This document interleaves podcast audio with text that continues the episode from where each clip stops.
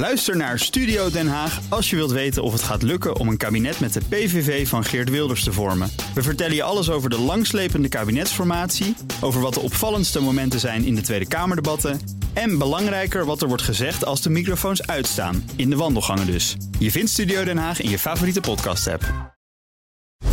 Buiten de beurs wordt mede mogelijk gemaakt door Bridge Fund. Beleggen bij Bridge Fund brengt Nederlandse ondernemers in beweging.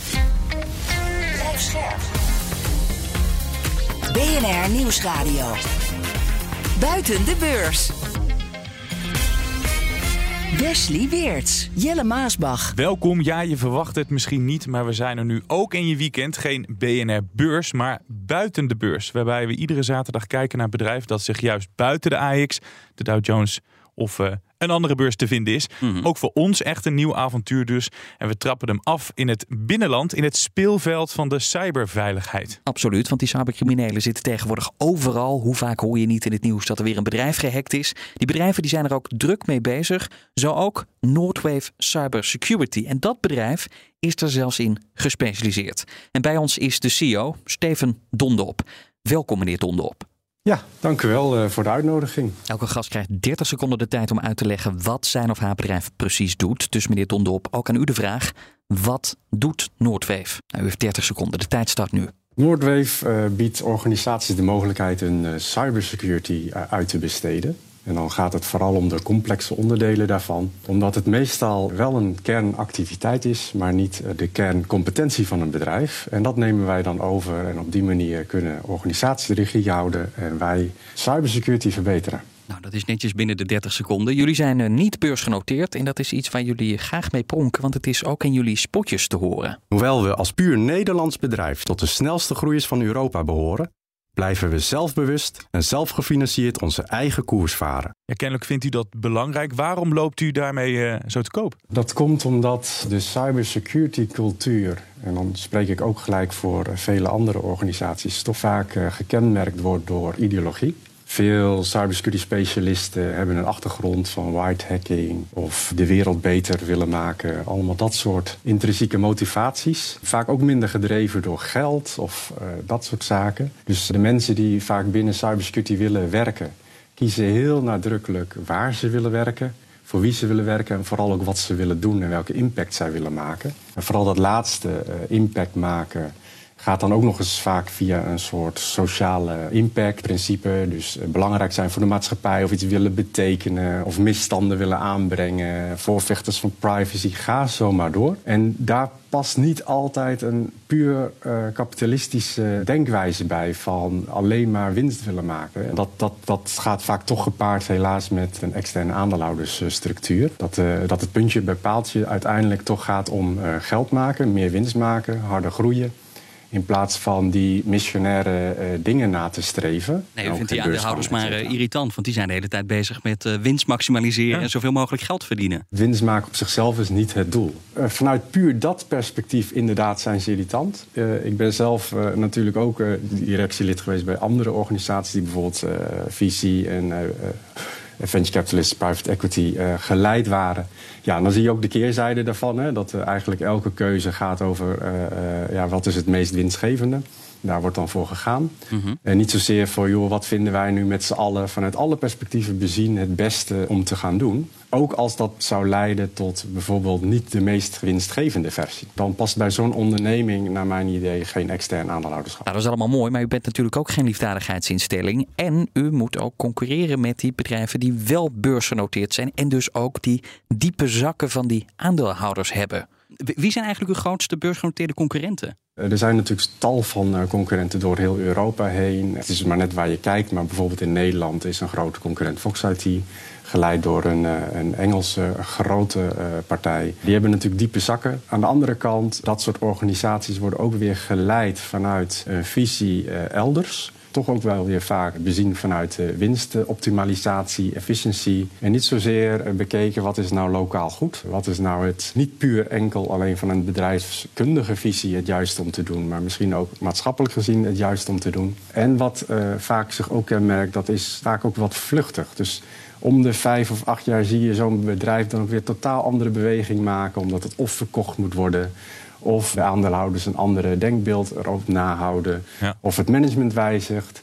Eh, en dat, daar heb je gewoon allemaal helemaal geen last van bij eh, ja, organisaties die vanuit de sociale impact eh, gedachte werken. En voor uw missie heeft u financiering nodig. Een Palo Alto, een, een beursgenoteerd bedrijf, haalt dat dan op bij hun aandeelhouders.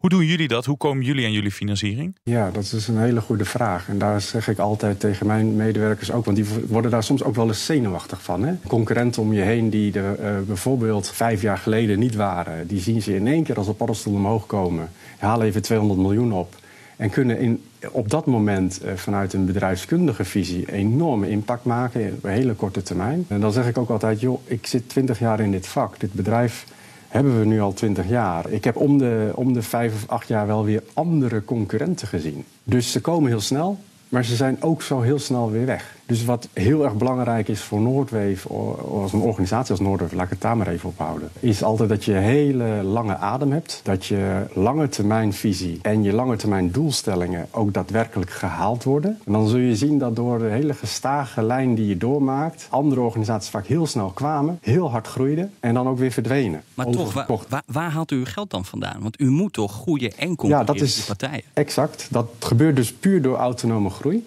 Dus je kunt langzamer groeien, maar doordat je dat continu blijft doen door de tijd, per saldo maakt het dan niet zo heel veel uit. Alleen je moet niet onrustig worden op het moment dat je dus wat langer gaat dan je concurrent. En je moet niet hoogmoedig worden op het moment dat zo'n concurrent dan weer verkocht wordt of weer van de markt verdwijnt. Ik begrijp wat u zegt, maar toch, u heeft ongetwijfeld ook dingen niet kunnen doen die u wel had kunnen doen wanneer u ja, of beursgenoteerd was geweest of in ieder geval geld van externe partijen had aangenomen. Wat heeft u nu niet kunnen doen wat u dan wel had kunnen doen?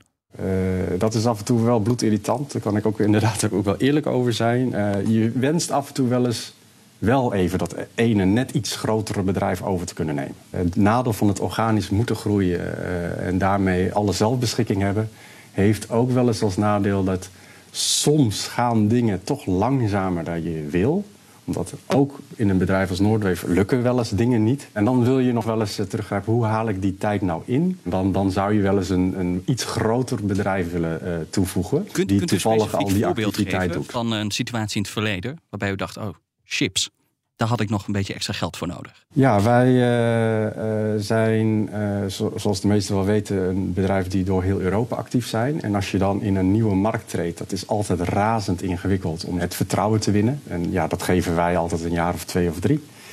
Ja, dan moeten er wel de eerste pakketpaaltjes staan en wel de echt eerste indicaties zijn. En dat gaat soms bijzonder snel en soms gaat het tergend langzaam. En als dat dan een markt is, zoals bijvoorbeeld Duitsland, die wij hebben bestempeld als backbone van Europe. Dan wens je wel eens, oké, had ik nu maar gewoon even een paar Noordwaves eh, kunnen overnemen.